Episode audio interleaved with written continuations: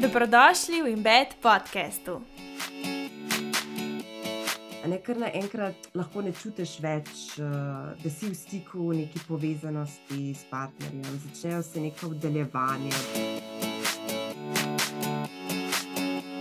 In občutek, ok, jaz si tega ne zmišljujem. To ni nekaj, kar moram dati samo stran in iti naprej in zdržati.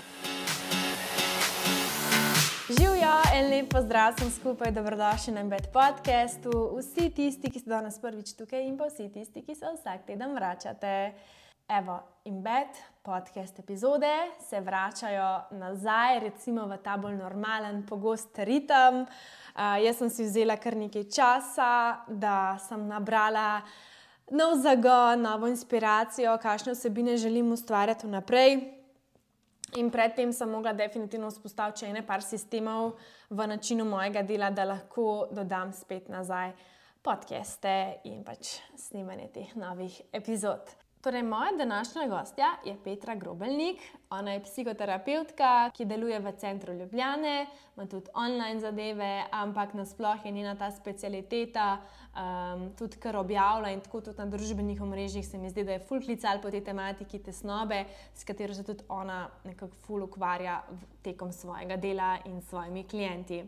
In kot sem rekla, danes bomo šli v mal drugačne vode, kar se tiče uh, tesnobe, majhen bolj uh, praktične in nasplošno, da prepoznamo to tesnobo ne sa samo takrat v tistih močnih navalih tesnobe in da lahko res vidimo to mal širše, da kako lahko to tesnobo reguliramo, kaj lahko naredimo in kako dejansko živeti z njo.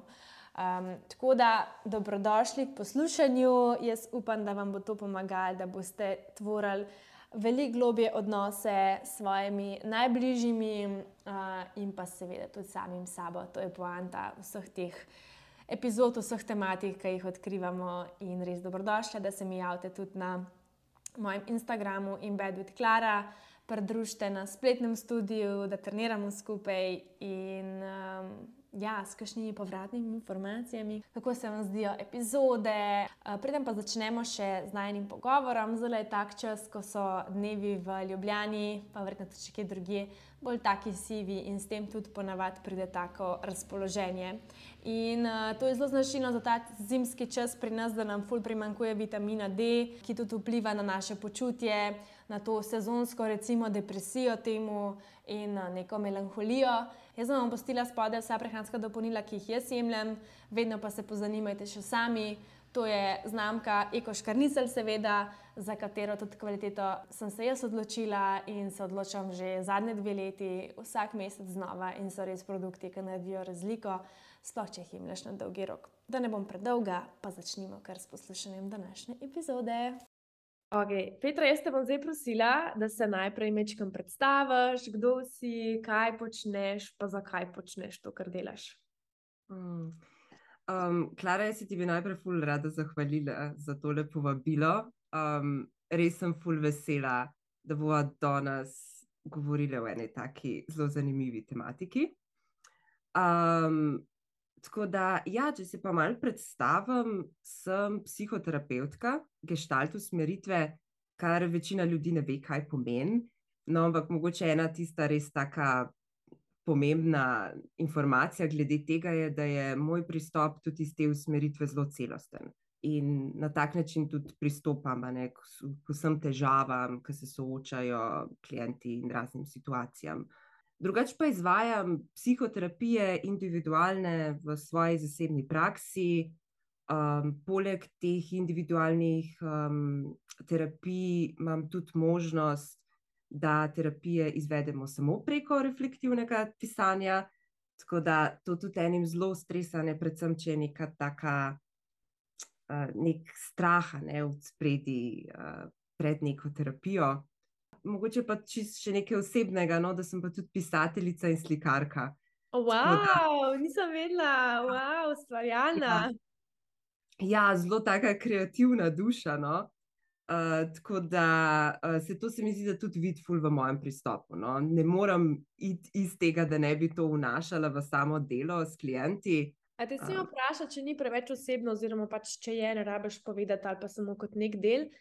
A si imela ti mogoče kakšno tako svojo osebno izkušnjo, ki te je pripravila do tega, da si se sploh začela zanimati za psihologijo in mogoče tudi to reflektivno pisanje, pač vse te stvari, kako se je nekako tvoje delo razvilo prav v to smer, kamor greva danes in to pač anksioznost in panični napadi?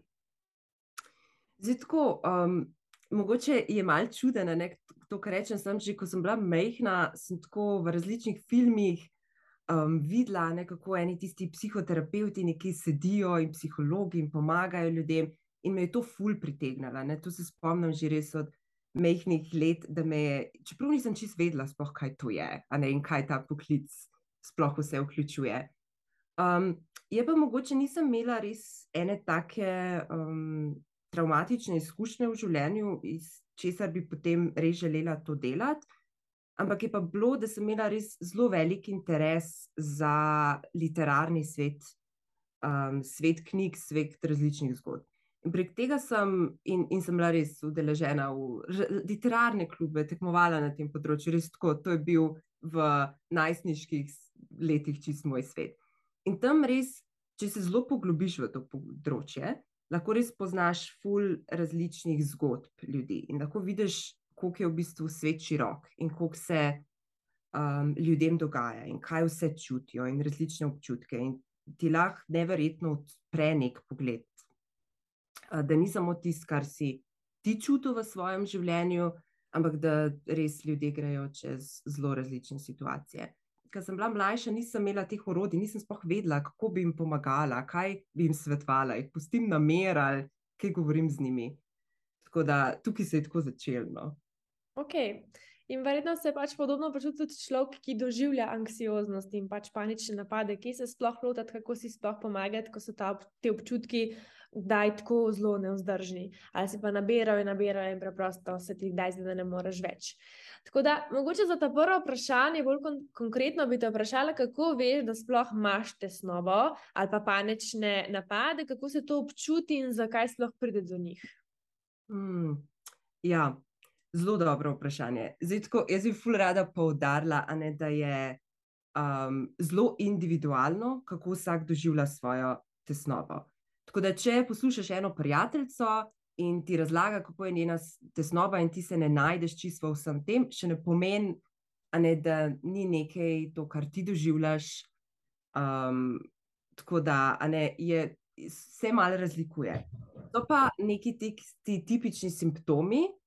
Um, in recimo, če jih samo nekaj naštejem, je recimo hitro bitje srca, a ne to najbolj pogosto ljudje uh, tako najhitreje opazijo.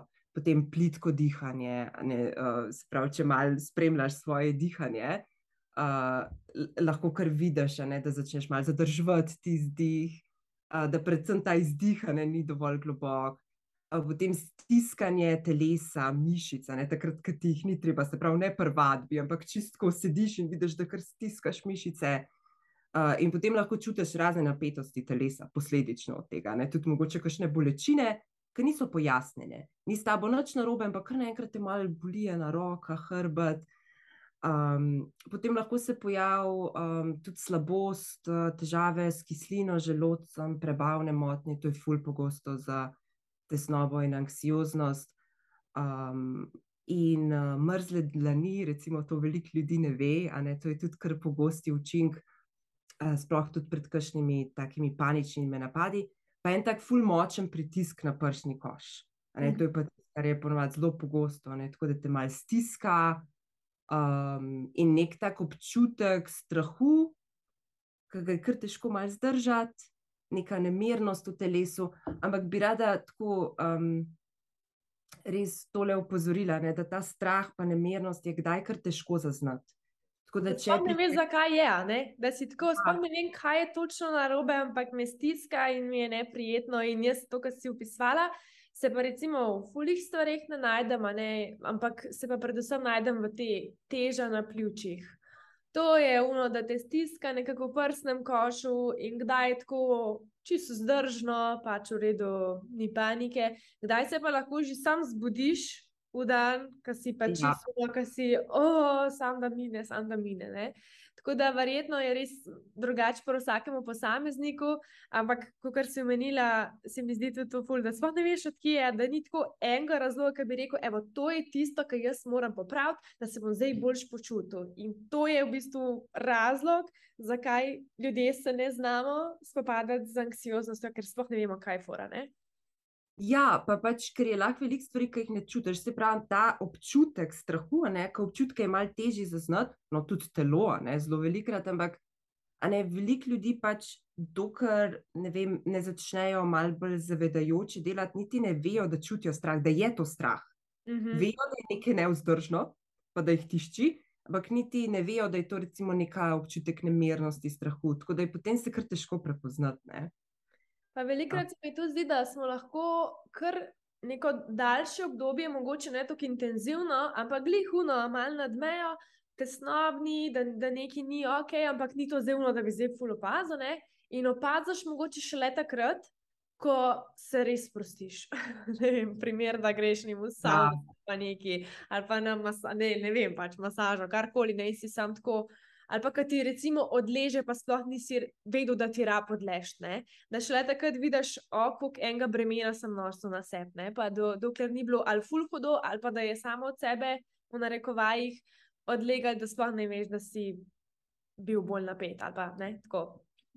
Ja, res, če čutiš res tako neko napetost v čas v telesu, jaz bi res vsakmu rekla, ne se tem sprijazniti, ker se da ful velik stvari narediti. In jaz vidim, da eni, ko pridejo do mene, kar tako obupajo že mal vmes a ne, in reče, ok, očitno se bom mogel sprijazniti s tem, bom tako živel, a ne, očitno sem taka oseba. In ja, res je mogoče malo bolj nagnen proti temu, ampak to še ne pomeni, a ne, da moraš zdaj trpeti čez celo življenje in čutiti res ene take nenormalne pritiske v prsnem kožu in se zbuditi in tako mi zadihaš zjutraj. Um, tehnologija in znanstvene raziskave so tako napredovale, da se da tako velik stvari narediti. Uh, Samo eno usmeritev rabaš, no, ponavadi, a ne, težko, je ena velika zmeda tukaj na tem področju, no, tako bom rekla. In bolj pomaga, če imaš zraven recimo nekoga, kot da greš na psihoterapijo, recimo, ne? in da nekdo, ki pač dela na tem področju, prepozna večjo sliko, te pa začne usmerjati, verjetno tudi malo. ne. Kaj pa bi bilo mogoče fajn, da začneš malo ali pobrskati, malo pogledati te svoje občutke in tako naprej. Zdaj, kaj si prej rekla, ne, da smo nekateri malo bolj nagnjeni k temu, pa me zanima, če si opaz, opazila, kaj, kaj so skupne lastnosti teh ljudi, ki smo nagnjeni k tesnobnim občutkom. Ja, zdaj skupne lastnosti, to je ful zanimivo vprašanje. Ne? Ampak tako, zdaj še to, kar si rekla, da je ful individualno. To seveda, ampak danes še vse, pač bomo v nekaterih stvarih mogli posploševati, ker gre za še vse širšo publiko, Ja. ampak še vse, recimo pač neke lastnosti skupne nam. Mi lahko splošujemo nekaj, no, ker se, um, ker potem vidijo neki vzorci. Seveda ima vsak svojo zgodbo. Ne? Ampak um, nekaj, kar jaz največkrat res mogoče vidim, je, um, mogoče se lahko vidi že uh, pri človeku tako ena skupna točka v mal sramežljivosti. Ali pa da se izogibaš določenim situacijam. To ne pomeni, da zdaj na vzven zgledaš zelo sramežljiv. Tako da za druge ljudi nisi lahko sramežljiv. Ampak, če imaš zase malo občutek, da si mogoče malo bolj introvertiran, malo bolj sramežljiv, se izogibaš določenim situacijam, predvsem novim zelo.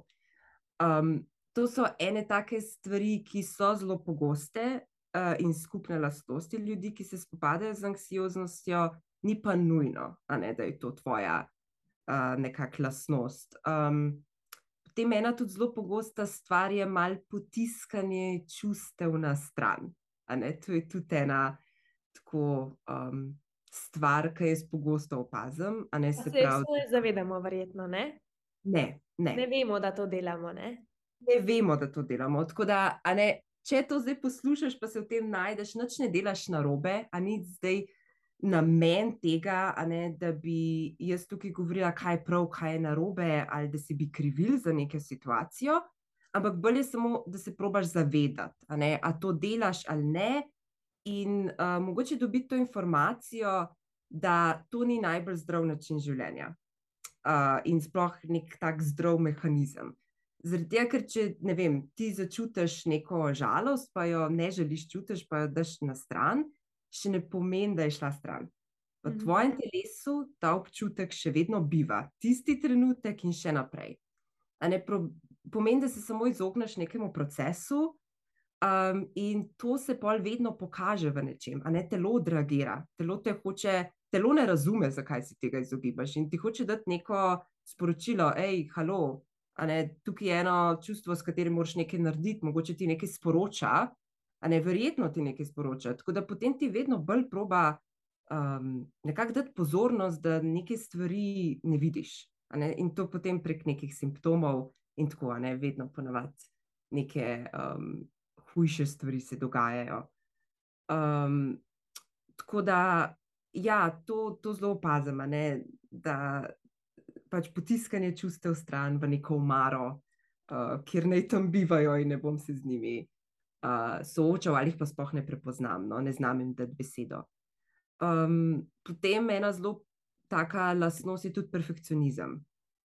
Recimo, aha, vidim, da kimaš, Klara, vidim. Ja, glih o tem smo posneli epizodo, ki bo prišla pred tem podcastom ven za špelo. In je tako dobro povedala, sem se tudi jaz našla v pulih točkah. Itak se mi zdi, da največji indikator, gledam za nazaj, bila ta moja prehranska zgodba in nekako kako je bila v tistem. Času ta želja po kontroli hrane, vnosa, gibanja, ne? če ni bilo, je bilo vse narobe. Ne? Tako ta, um, kar neka posledica, seveda, neke notranje, m, kako ne rečem, stiske. Ne? Sej vedno je to, kar delamo, nekako bolj posledica naše, našega notranjega stanja. Ne? In tako, kot si rekla, da ti te občutki nekaj sporočajo, se mi zdi, da je um, velikrat lahko to mogoče malo napačno dojeto, sploh če imaš tesnobo. Zato, ker recimo v mojih izkušnjah tesnoba praktično um, preplavi vse.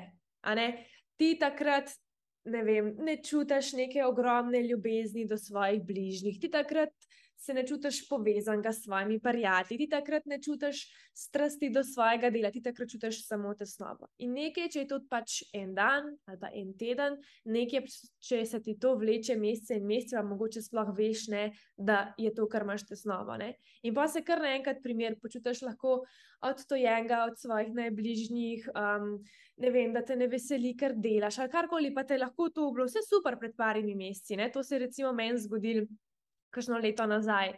In sem bila kratko, pa kako, če imam vse, kar sem si kadarkoli želela. Ne?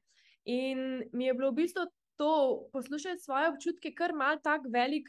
Trigger, ker moje občutki so meni na podlagi tesnobe govorili, ne vem, pusti vse, pa sam pač pej, a ne na ta način. In uh, mogoče tudi to, no, da me jih poveva o tem, kako ta tesnoba vpliva na odnose v našem življenju, mogoče predvsem uh, greva na partnerski odnos in pa uh, delo. Sploh, če si ga imel včasih rad ali pa nekako tako, no? kako se to pa odraža v našem okolju. Mm. To se mi zdi zdaj ful zanimivo, kar si povedala. Ne? Tako da, ful hvala, da si to delila. Um, ampak res se velikrat zgodi, ne, da so potem ena sporočila, ki niso čist natančna, ampak to so res tista površinska povr sporočila. Ne? Nimam motivacije za to, um, a mogoče mi ta odnos ni ok, ne? ker naenkrat mi vsi odnosi niso ok, ali pa neki hobiji mi kar naenkrat niso več všeč. To so res površinska sporočila in prihajajo večinoma iz misli. In to je tisto, kar ponavadi ni natančno. Če gremo pa globoko, a ne bolj globje v proces, pa v bistvu bi našli prav, sprav, več prava poroči, sporočila. Tako da um, tesnoba nam ponavadi nekaj sporoča, ampak ne tisto, kar je na površju, ne tisto, kar ponavadi mi najbolj Ne slišimo. tisto, kar je ta prva misel, verjetno bolj iz enega strahu, se meni zdi. Ne? In neka panika je nekako tako. In isto bilo recimo s prehrano. Panika, strah, če ni bilo tako, kar je moglo biti, dejmo, zdaj bi mogla tako pa tako telovaditi, kar pa v resnici ni imel niti veze s tem, ne? če tako pogledaš. Ja, recimo, če vzamemo čisto tvoj primer, če lahno. a ne, Ja, ja, um, je v bistvu um, verjetno takrat ni bilo glih sporočilo, a ne to, uh, ne vem, moš tako pa tako jesti, treba je tako pa tako, ali pa um, sporočilo je to, da če ne telovadaš to pa to, potem ni v redu za tvoje telo. ne. Niso bila to sporočila, ampak so bila lahko sporočila od tega, ne vem, da uh, neke potrebe tvoje niso zadovoljene, uh, da mogoče ni nekega balansa v življenju, ne, je preveč nekih stresorjev, um, ki grejo čez tvojo toleranco čist. Um, lahko si bil zbudila mogoče kakšna travma, a ne kakšni traumatični dogodki. Skratka, to so bolj tista sporočila, ne neke, kjer je potrebe, kle nimam zadoščene, a ne, to je pa kar težko prijeti do tega.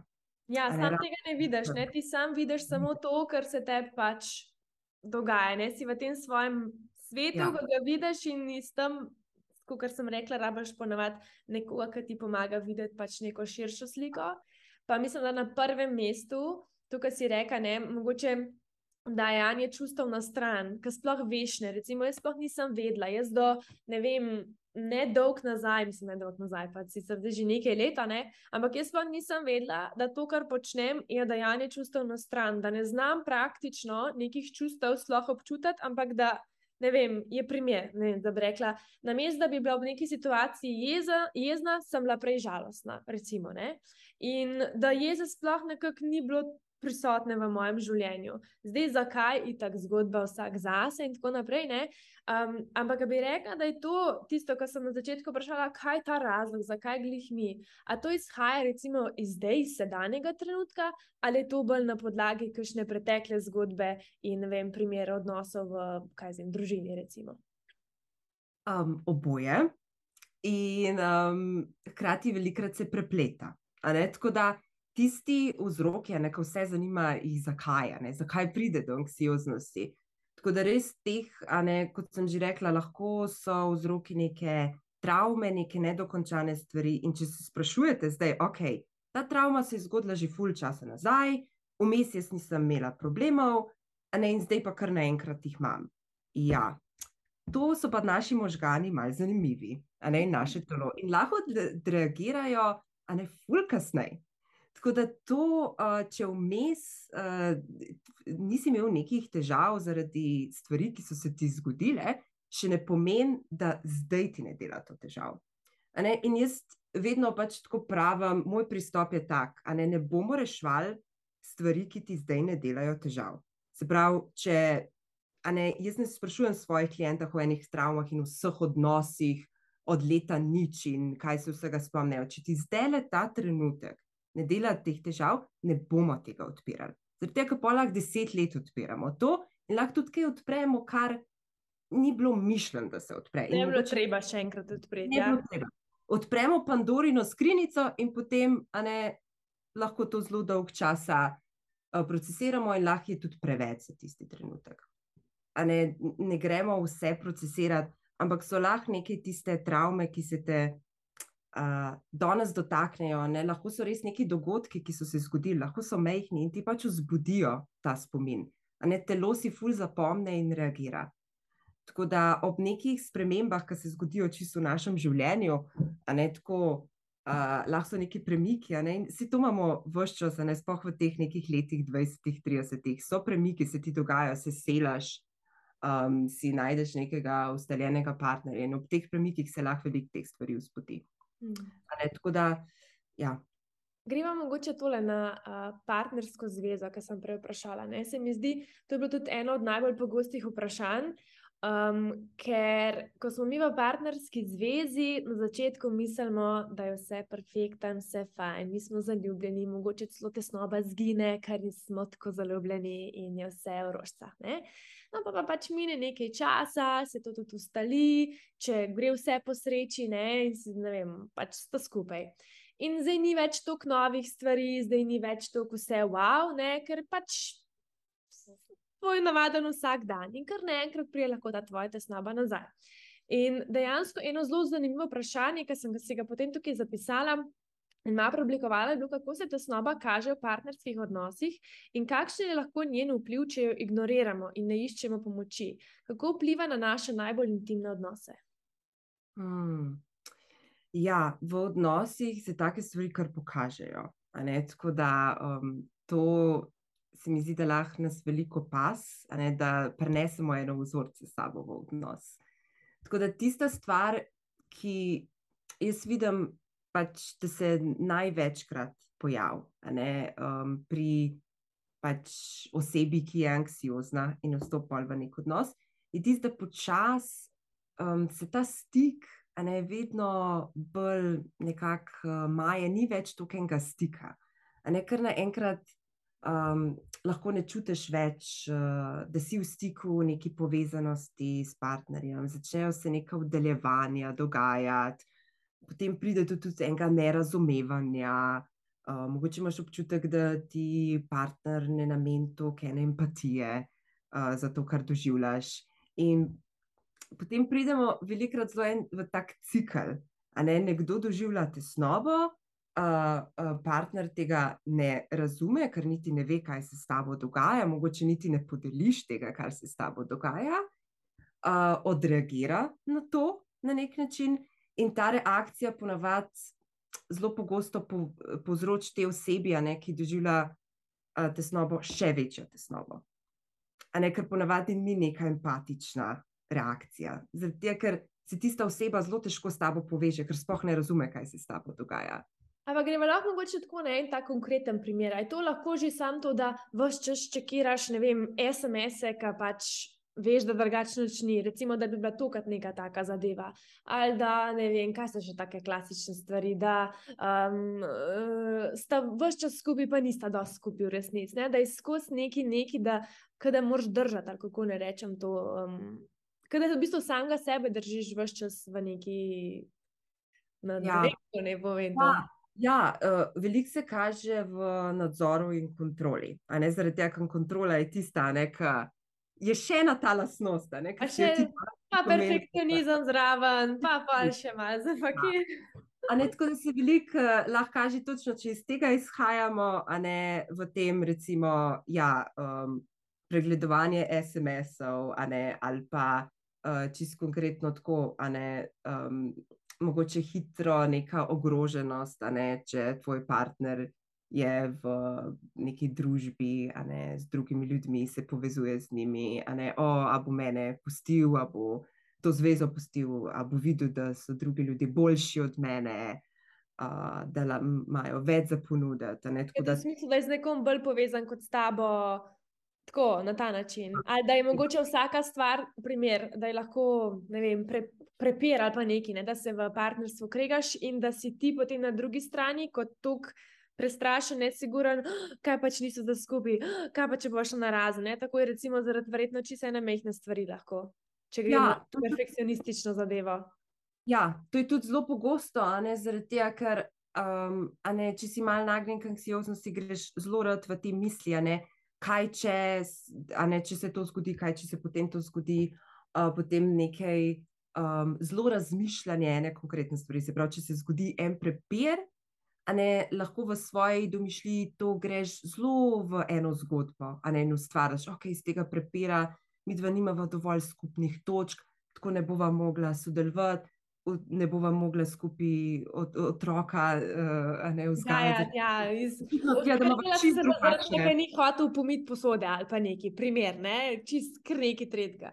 Ampak, veš, ja to um, racionaliziranje ne, stvari se mi zdi še ena taka zadeva, da v bistvu se ne znaš soočati s svojimi občutki, s svojimi čustvi in da jih v bistvu s tem, ko racionaliziraš, kar non-stop razmišljaš recimo o eni isti stvari ali pa spet na ta način, da delaš iz muhe slona ne, v svoji glavi, je kot neko iskanje varnosti, da mogoče vsaj za trenutek, ti neka misel ali pa nekaj, kar misliš, da pogruntaš, ne kot racionalizacija um, nečesa, da ok, ne se bo vse v redu, ali pa ne na ta način, da, da iščeš spet to varnost nekje druge, namesto da si varen s svojimi občutki, ne? če jaz v bistvu prav razumem.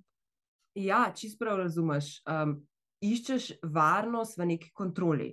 Ne, ampak problem tega je pa, da bolj iščeš kontrolo, bolj večaš anksioznost. Ja, ne, tako da se ne čudaš. V začaranem krogu, a ne? Ja, in je težko ven iz njega prideti, ker si skozi spodbujaš svojo anksioznost. Uh, tako da, mislim, vsi, ki se lahko zdaj v tem ciklu prepoznate, a ne noč hudega, a ne to je en tak, um, mislim, smo nagnjeni k temu, da to delamo. Ne, tako, ne pomeni, da to delaš kaj narobe, ampak je pa prvi pač step tega, je, da malo zavestiš te procese. Ne, in potem jim že ful daš stran moč, ne, čim jih že ozavestiš, ker pol dobiš več kontrole nad tem. Ne, ampak tiste izbirne kontrole, se pravi, tisto, kar je res tvoje, ne te kontrole, ki jo ne moreš imeti nad drugimi, nad svetom, ne, ampak da imaš izbiro. To je tista, a ne glavna stvar, ki jo potem hočemo, a ne proti kateri delamo. Da s tem, ki imaš zavedanje, ne s tem v bistvu si ustvariš potem izbiro. Lahko izbiraš, ne greš kar avtomatično po enih vzorcih, pa kaj te val, ne se mal desno, mal levo. Zdaj, če smo mogoče že glih na teh intimnih odnosih, kako se potem, ne, kot ti, seveda, se verjetno hočeš nekako zaupati partnerju, ali pa želiš biti, seveda, razumljen od svojega partnerja, in tako naprej. Ne?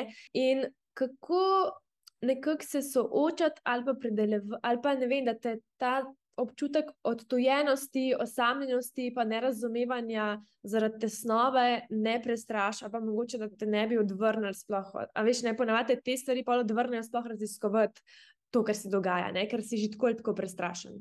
Tako zdaj, mislim, vedno je fajn najti neke ljudi, s katerimi se lahko povežeš, ki doživljajo podobno stvar. Uh, nekaterim je to lažje najti, nekaterim ne. ne? In nažalost je situacija taka, da nekateri se počutijo razumljene, šele ko pridejo v terapijo. Um, in če je to tvoje okolje, da imaš tako nepodpirajoče okolje glede tega, pa morda vsi tisti, ki doživljajo uh, to, ker so zagotovo okoli tebe, ljudje, ki doživljajo to, ampak recimo nočejo deliti, a ne potem je mogoče res smiselno. Ne, da si pač najdeš vsaj za nek čas tako podporo. Zaradi tega, ker je tudi za tvoj cel, cel organizem ful pomembno, da um, dobiš malo varnosti v tem, da te nekdo razume. Mm. Ne, da ti to slišiš, da ti nekdo verjame. Ne, da res lahko nazaj dobiš ta feedback in um, občutek, da okay, jaz si tega ne zmišljujem, ne pretiravam. Um, to ni nekaj, kar moram dati samo strani in iti naprej in zdržati. Mm -hmm. Tako da, ja, iskati podporo v tem pri, pri drugih, a ne kjer si dovolj, imaš nekako tak stik z njimi ali skupen odnos, ne, da lahko nekaj takega zaupaš. Um, drugače pa, če pa imaš podpirajočega partnerja, ne, oziroma nek varen odnos s partnerjem, svojo družino, mogoče je pa to prva stvar, ki jaz vedno predlagam, res ne skrivati, a ne deli. Ker s tem, da ti skrivaš, a ni že tako Težko. A ni že tako malo težko to anksioznost zdržati in bicno. In to prenese še eno čist dodatno mero anksioznosti, a ne to, da uh, skrivaš, a ne, ne deliš, kaj se dogaja v določenem trenutku s tabo.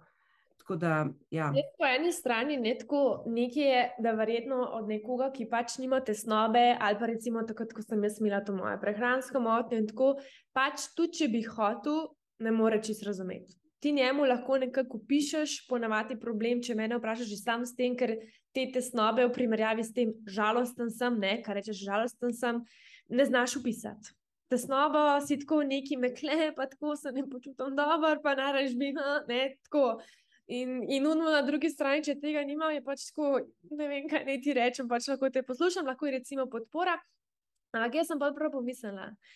Um, da, hvala Bogu, recimo, ker moj partner pač nima tesnobe in sicer si želi razumeti, ampak kljub vsemu ne razume. In sem tako, hvala Bogu, da ne razumeš. Hvala Bogu, da nisva oba tukaj, vsak z neko svojo tesnobo, vsak na svoji strani. Se, lej, hvala lepa, še eno, jaz ne bo šlo. Ne?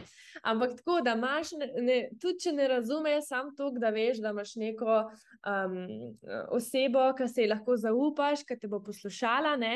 In uh, če je to.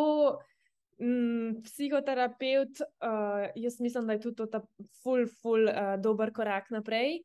Pa hkrati, tudi če recimo, ne, prej smo začeli to le snimati, da sem jih pogovarjala o psihoterapiji in tako naprej. In sem jaz rekla, da sem pač prej malo tako, uh, prej v zadnjih letih, ene par psihoterapeutov oziroma pač terapeutov tako pre, preizkusila, oziroma šla jim ne in bila na njihovih terapijah, in mi pač ni, ni bilo to, to, pač nisem rada prhajala, ni bilo za prhajati, vedno mi je bilo furno, uh, in se nisem počutila v, po mesecih in mesecih in mesecih praktično nič boljš, ampak sam no, zdolje šlo. Ne? In Iska, dokler ne najdeš, no, res ne, ne, ker Ja.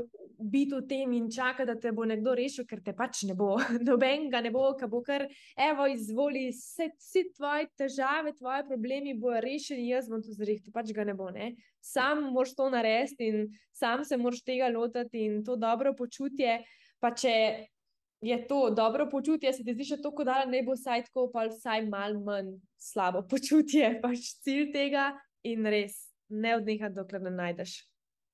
Točno tako, res ne odnehati. In če ti terapeut ne ustreza, ne imeti tega sramu, da ga zamenjaš. in jaz bi vsem priporočila, da če iščete terapeuta, ne, pa se soočaš s to tesnobo, anksioznostjo, paničnimi napadi, da iš nekaj, kar, išči nekaj, kar je odnosnega. Se pravi, ne bo odnosno nekdo, ki daje feedback ti, uh, ker so različne smeri in ene ne dajo tega. In se mi zdi, da je zelo težko. Ne, jaz dobim ful klientov, ki pridejo, um, ker so zamenjali prejšnji ful terapeutov. In se mi zdi, da prva stvar, kar rečejo, da jim je tam zmanjkala, je, terapeut je bil čist tiho, ni mi Ja. ja. dajal nobenega odziva, ne na mimiki obraza, ne besedno, nič Tako zelo hladno. zelo hladno. In to pri anksioznosti in tesnobi, pri predelavi tega, res, po mojem mnenju, pač ne deluje. Ne, ja. ne, pač. Malce da- tudi zanima o različnih smereh uh, psihoterapije, kaj nudijo. Um, Pogooglejte si, jaz mislim, da je to ta prva stvar, ki jo je treba narediti. Prešparali si boste denar, prešparali si boste pač svoj čas, če se najprej malo pozanimate, preden obrnete ta prvo številko ne, in pokličeš. Lej, lahko je pa tudi za nekoga to rešiti, da pokliče ta prvo številko, kaj jo najde. Ne? Ampak tako, v splošnem, dejte se malo pozanimati, kje smeri ps- psihoterapije bi pa vam najbolj pasale, glede na to, kaj doživljate. Ja, mal se izobrazi, a ne, ne kar zaupati. A, a ne, kaj jaz velikokrat pijem, da kažem, kar pride in, in, in zaupa, ne, se je full fajn, a ne, da tudi recimo meni kdo tako zaupa. Ampak poglejte prej, ne, kaj, v čem so se izobraževali, a sploh imajo certifikate te terapeuti narejene in tako. In te odnosne zbirate, ne, se pravi, recimo, če konkretno čisto povem, ampak recimo geštalt, integrativna, sistemska oziroma relacijska, to so tiste bolj odnosne, a ne smeri. In se ponavadi vidi, da terapeuti pač tako potem pristopajo, ne, ti Mhm. dajo feedback, so bolj topli, so bolj razumevajoči, ti dajo lahko tudi kakšno tehniko ali nekaj, ne, kar je pri anksioznosti. Zelo um, pomembno. pomemben, ja. No, glih to je moj, um, nasled, moje naslednje vprašanje. Kako je tesnoba povezana z našim živčnim sistemom, zapravo z našim telesom? Katere navade lahko, poleg recimo terapije, pripomorejo k lajšanju tesnobe in paničnih napadov? Ja, zdaj, um, kaj ful orenk v neke živčne sisteme in kako to deluje, ne bi šla. Ne, ker Ne, samo tako splošnem. Ja, uh, si naj preberejo, ker la- lahko rata zelo kompliciran. In um, se mi zdi, da um, mislim, lahko pripomore nekaj, no, ampak potem v kasnejšem, mogoče uh, koraku. Um, ampak nekako je tako, ne, da uh, naš živčni sistem zaznava, a ne, a je uh, neka situacija varna ali nevarna. In ko zazna, da je nevarna, potem odreagira lahko na dva načina. Ne? Ali je ta nek odmik, ne in čistko nek shutdown, in tu so bolj tiste depresivne tendence, ali pa prenese ful velike ene energije, dodatne, a ne in je pripravljen na ful neko akcijo. Tu so pa te. In se ne moreš umiriti, ne? Si pa v Ne bistvu moreš. obratno, namesto da bi bil zaspan, ne moreš zaspati, verjetno. Ne? Ja, ker celo telo ne, te podpira v tem, da si ti res full awake uh, da, in da imaš full velike energije, a ne pripravljen za to nevarnost, spopadati s to nevarnostjo, ki jo pa v resnici ni. Ampak to tvoji možgani ne vejo, da je ni. Ne, Mhm. tako da um, v tistem trenutku, seveda, obstaja fulejnih tehnik, ki so zelo pač dobre in nujne nekako pri tem, da pomirimo to in damo svojemu telesu in možganom pač sporočilo, da okay, nevarnosti ni. Ne in umirimo mal ta odziv, ki se je zgodil ne, na celi telesni ravni, ne, od hormonov, vse, vse se spremeni.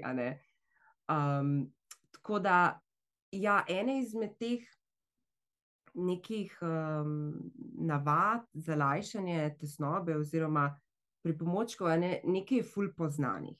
Ne, tako da te bi mogoče samo menila, ne, recimo yoga, meditacija, pravilno dihanje, uh, fizična aktivnost, ful pomembna. Vem, da to veliko ljudi. To me ne rešuje. No, pa lahko deliš, sem pripričana, da so že slišala ne, od tebe. Uh, Sam to čukam. to ful pripomore, a ne zaradi tega, ker porabiš ta odvečni adrenalin um, in pa s tem potem ne, umiriš telo, ampak veliko ljudi noče tega slišati, no, pa zdi se mal pre preprosto. Pa hkrati se mi zdi, da naredijo samo to takrat, da delamo te spremembe, te vaje, samo takrat, ko jih ful hodo, ko pač. Moramo, ne, ker druge pa praktično takrat nimamo.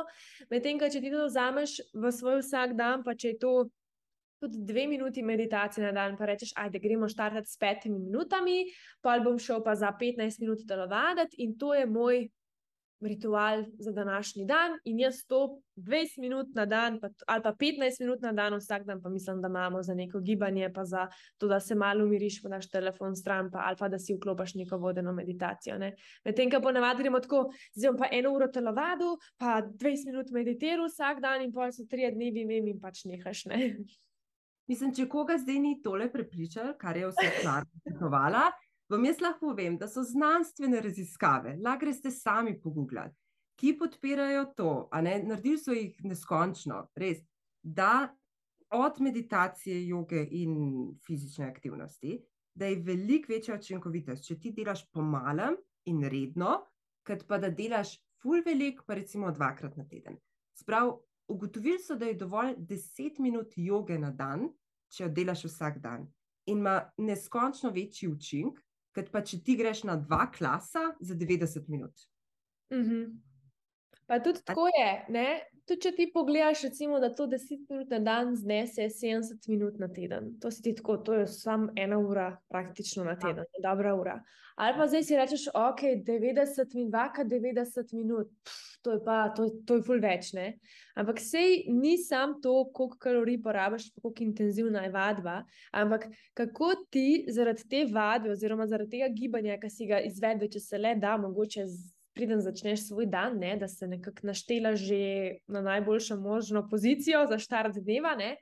Um, kako to vpliva na tvoje odločitve čez dan? Če greš ti bolj mirno čez dan, če si ti bolj uno, ok, tudi nekako hormonsko, ne s to vadbo. Zdaj ne vem, koliko si ti v, v tem, pa ne bo mogoče preveč šle v to, da ne, ne bo, bo preveč zašle. Ampak že sam to, kako um, različna vadba različno vpliva tudi na naše hormone in hormone lakote in pač stresne hormone, sploh pri nas ženskah. In da ni vsaka vadba najbolj, najboljša, sploh če se matraš in se mučiš za, za voljo ne vem, nekih rezultatov. Ne? Ja, se zato obstaja toliko različnih stvari. Tako da najdi nekaj, kar te pa ne. Uh, mislim, da je tako, mogoče če res, a ne, jaz vadbo v vsakem primeru bi priporočila. Ampak če res ne vem, trenutno ne najdeš motivacije za to. Ne, je ena stvar, ki tudi ful pomaga in to veliko ljudi ne ve, je redne, sprav enkrat na mesec je dovolj masaže. A ne to ful sprosti, a ne to je čist vse povezan z našim živčnim sistemom in pač sprosti telo in ti lahko ful pomaga pri anksioznosti. Tako da lahko začneš s tem, če ti je težko začeti z vadbo ne, in potem začneš mogoče z neko jogo meditacijo in tako, ampak masaže so res tiste, ki jih imamo mi tako v, se mi zdi, da še vedno malo v miselnosti, ok, to je samo, a ne za res eno tako. Ne, to je to, kdo je, jaz sem to krada masaže, več to najboljši pač res. Masaže, vadba, pa si pa tako, kaj jaz imaš pa še eh, pet različnih suhih krtač, pa guašo, pa une, uh, a veš, kaj so une blazine, kaj ima une špičke, kaj se ja, že ja, ja. hrana, med, ali ne vem kaj vse. Za... Jaz sem vse, kar imaš, imam, pač vse, kar je možno, imam. Ampak to je tudi malo tako izgušta, pa tako, ker rada probavam različne stvari. Imaš tudi uh, weighted blanket, oteženo? Imam. Oh, okay. Za vse poslušalce, to je še ena tu ful dobra stvar. Ne vem, lahko ti svojo izkušnjo podeliš, no? ampak ful je uh, dober za uh, anksioznost, tako da tudi, ko doživljaš panični napad, lahko to uporabiš, oziroma lahko uporabiš za spanje. Um, da, imaš vem, en pritisk ja, od, od zgoraj. Mislim, da ne bi to, če se jaz prav spomnim, povezovali s tem, pač, ko smo bili v maternici, smo imeli v bistvu pritiski z vseh strani, medtem, ko zdaj, če ležiš, imaš praktično samo gravitacijo in neko lahko odejo čez sebe. Jaz trenutno tele weighted blanket nimam uh, za spat, ampak imam pa dva kautra, zato ker me zdaj po noč, tako da je že to malo težko. Ampak recimo mi je bilo pa isto, full dobro in pač spiš ka top, ker se tudi full manj premikaš po noč. Ponavadi ja. obstaneš na enem in istem mestu in pomirajoče, ne vem, kaj ne rečem. Kljub temu, da se mogoče komu zdi, da bi bilo to malo bolj tako klaustrofobično, če bi neki pritiskali na te, ampak ni v tem smislu, pač ko fulje dober. Ker v bistvu ta teža pomirja živčni sistem in mu daje ta občutek varnosti. In na začetku je mogoče malo za preva, prevaditi, ker je pa zdaj čisto, da si boste lahko predstavljali, je 10 kg poprečno so te weighted blanket. Tako da to na začetku je kar tako občutek, wow, ne full nekega pritiska, ampak jaz do zdaj še nisem slišala, da bi kdo rekel, da mu je to res potem neko klaustrofobično. Mm -hmm. Povzroča ali pa da mu ne bi pomagali, a ne zelo pomaga, ful pri anksioznosti spanju. Da, um, obstaja tudi kar nekaj takih naprav no, za pomiritev živčnega sistema, in um, jaz bi rekla, izkoristite to, ne, da v tisti sili, ampak vedno gledati celostni pristop. Jaz sem videla, res, da pomaga samo celostno in, in to je tisto, kako je s pristopom. Konsistentno. Um, ja, pa tudi celostno iz vseh smeri, se pravi, da ne gledamo človeka ne samo iz prehrane ali samo iz um, psihe, ampak res se je treba anksioznosti ponavadi lotiti celostno. Tako da, če se kakšne te če se boste odločili za nakup kakšne te naprave, to je super, ampak ne bo pomagal, dokler se še na drugih področjih ne boste tega lotili. Ne? Se pravi, tudi ne nek potem proces, pač psihični, terapevtski in to. Ne? Se pravi, weighted blanket ne bo. Rešil vaših problemov, tako ja, bo ja, pomagal, vas bo pomiril, ja. bo pika na i, pač vsemu, kar že počnete, ja. ampak ne bo pa odgovor na vaš problem, ne, ne bo ja. rešil razloga, zakaj ste sploh na prvem mestu prišli do te točke, ker je anksioznost tako neozdržna. Ok, zdaj pa bi te samo še tole zadnje vprašanje, dejansko glede tega, kar se danes pogovarjava, kako lahko pomagajo bližnji, družina, prijatelji, učitelji, kako prepoznati in pomagati nekomu, ki je tesnoben.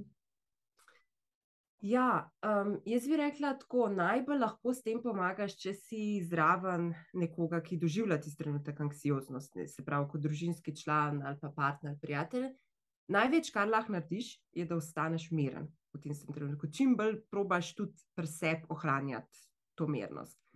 Ker uh, naš živčni sistem zaznava drug živčni sistem. Tako da, če bo nekdo miren zraven tebe, a ne pa kdo res umirjen, se pravi, probaš a ne globoko dihati, umirjati svoj srčni utrip, potem se bo tudi tista oseba, ki je zraven anksiozna, lahko prej pomirila. Ker brez nekega napora, da to ona dela, to naša telesa sama delajo. Zaznajo okolje, da je okolje nek, um, neko telo, ki je pa mirno. In potem možgani ratajo mal, uh, bom tako rekla. Niso čisto več pripričani, so prav ocenili to nevarnost, ker je ena oseba tu blizu, ki pa ne zaznati nevarnosti.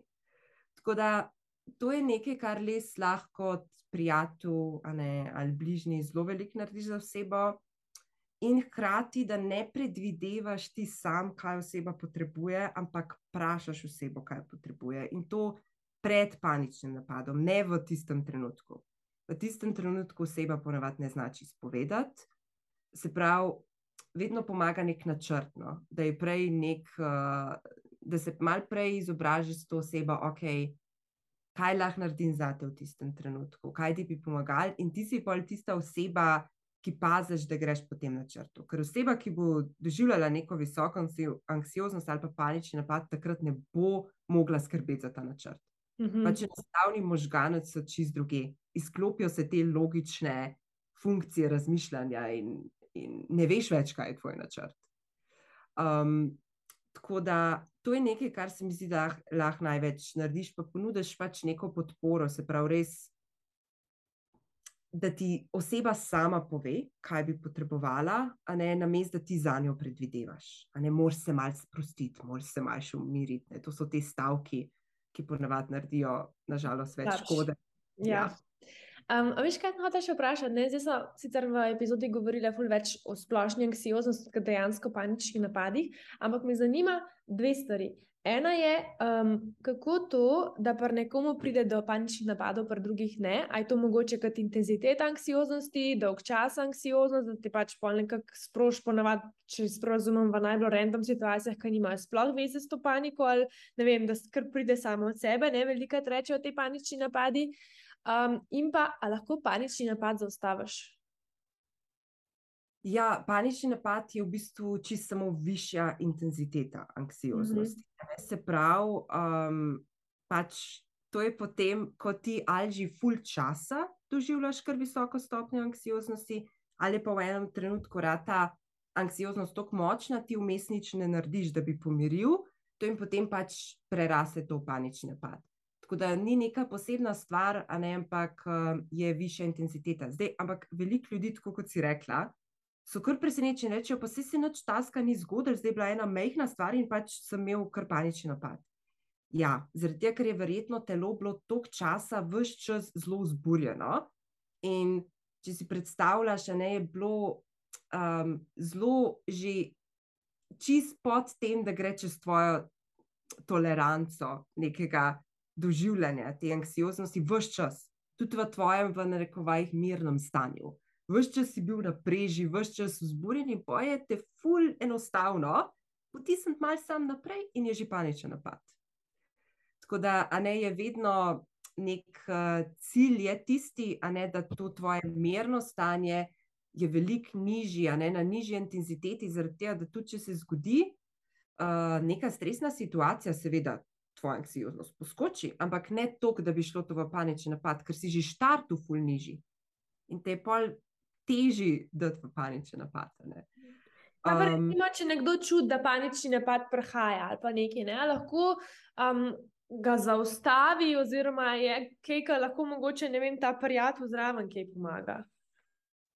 Ja, dokler si um, v še te nekem oknu tolerance, a ne lahko narediš, se pravi, z različnimi temi vajami, tudi z vsemi temi pripomočki, ki smo danes govorili, se pravi, vse, kar pripomore k temu, da pomiriš a ne ta živčni sistem, da, da mu daš vedeti, se pravi, dihalne vaje, te razne naprave. Ne, um, Kakšna ta Wim Hof metoda? tudi, tudi poznam, ja. Ali pa recimo, da ne, zdaj, verjetno takrat, ko je pač panični napad in neka mrzla voda bo, ne bo pomagala, najbolj je treba verjetno pod toplo vodo ne. Takrat, če si res, ne vem, takrat, da imaš full anksioznost, anksioznost, pa že si na meji, bo verjetno bolj topla voda naredila, da te čist pomiri Ja. toplota. Ne, mislim, jaz do zdaj, tako kot sem videla, tukaj nisem prepričana, ampak načeloma mrzla voda. Mislim, Tako da- Hof metoda ja, je mrzla voda, ampak recimo, Ja, kar meni pri tesnobi pomaga, so na meji z vročo, pač vroča kopel. Tako res. a, okay. Pa, pa Epsom sol si dam noter, magnezijeva sol, ki je full, full, močna, močna, pač res na- nabita z magnezijem. In to pač ne takrat, ko je res uno tesnoba, tesnoba močna. Um, da bi, jaz sicer moram reči, da nekako nisem na meji s paničnimi napadi, bolj ko je tesnoba močna, že takrat se začnem pol soočati s, tem, s temi mojimi metodami, da jih malo bolj povzdignem in pa itak pač ne vem v tistem mogoče obdobju, mesecih, tednih še malo povečam tudi uh, terapijo, drugače pa ne, ko ji ni, je nisem vesela. Mislim, ta topla voda in ti kopeli so lahko kot um, neka sprostitvena, ne, lahko za te sprostitev ti prinašajo. ne, Ampak drugače, načeloma pa ne bolj deluje mrzla voda, ampak čist kot mal zaustavitev te tesnobe. ne, Ampak če ti pa pač kopel prinaša nekaj. Čist, čist me sprosti, tesnova gre kar stran. Tako No, da očitno mora biti neki.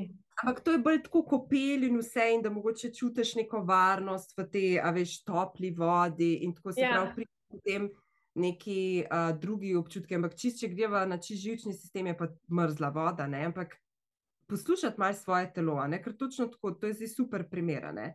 te prinese topla voda, zaradi tega, ker ti vzbudi nekaj drugega, ne? da ti neko sprostitev. Um, tako da seveda, pol to uporabljate. Ne? Zdaj bi, da pa jaz za konec prosila samo še, če pustiš eno misel za naše poslušalce, kar koli mogoče kakšno spodbudo, nekaj, kar bi jim rada podala za naprej. Ja, moja misel je ta, da če se prepoznaš v anksioznosti in v nekih teh občutkih, samo vedi, da res veliko stvari obstaja, da se da veliko stvari narediti. Um, tako da ne obupati, najdi neko, nekega strokovnjaka, ki ti tukaj res lahko pomaga pri vsej tej zmešnjavi podatkov in res pripomore, da ti najdeš individualen, ne, res, da je individualen pristop za te ja, ne obupati no, pri tem. Um, ful se da narediti, ful je že raziskan, um, res je ful napredovalo. No, tako da um, to bi bilo mogoče neko moje sporočilo. No, in loti se tega celosto.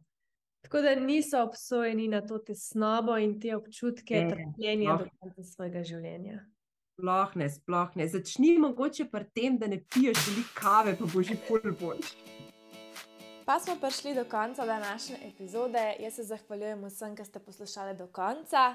V opisu epizode vas čakajo vse informacije, ki smo jih omenili tekom pogovora, od tega, kako do Petre prideti kontakti, njena spletka, njene vsebine in pa vse, kar so omenili na začetku o spletnem studiu, vadbah in pa tudi ekoškarniclu. V glavnem, vse te epizode so ustvarjene željo potem, da nekako skupaj raziskujemo, kako izboljšati kvaliteto vsak dan, a ne našega bivanja, brez nekih gromozanskih, drastičnih sprememb, ampak res tako malo po malo, da ustvarimo neko večjo spremembo na dolgi rok. Lepo vabljene še enkrat na spletni studio, da se gibamo skupaj in pa tudi na vadbe v živo v Ljubljani. Jaz vas vse lepo pozdravljam in vam želim en čudovit preostanek dneva. Ciao!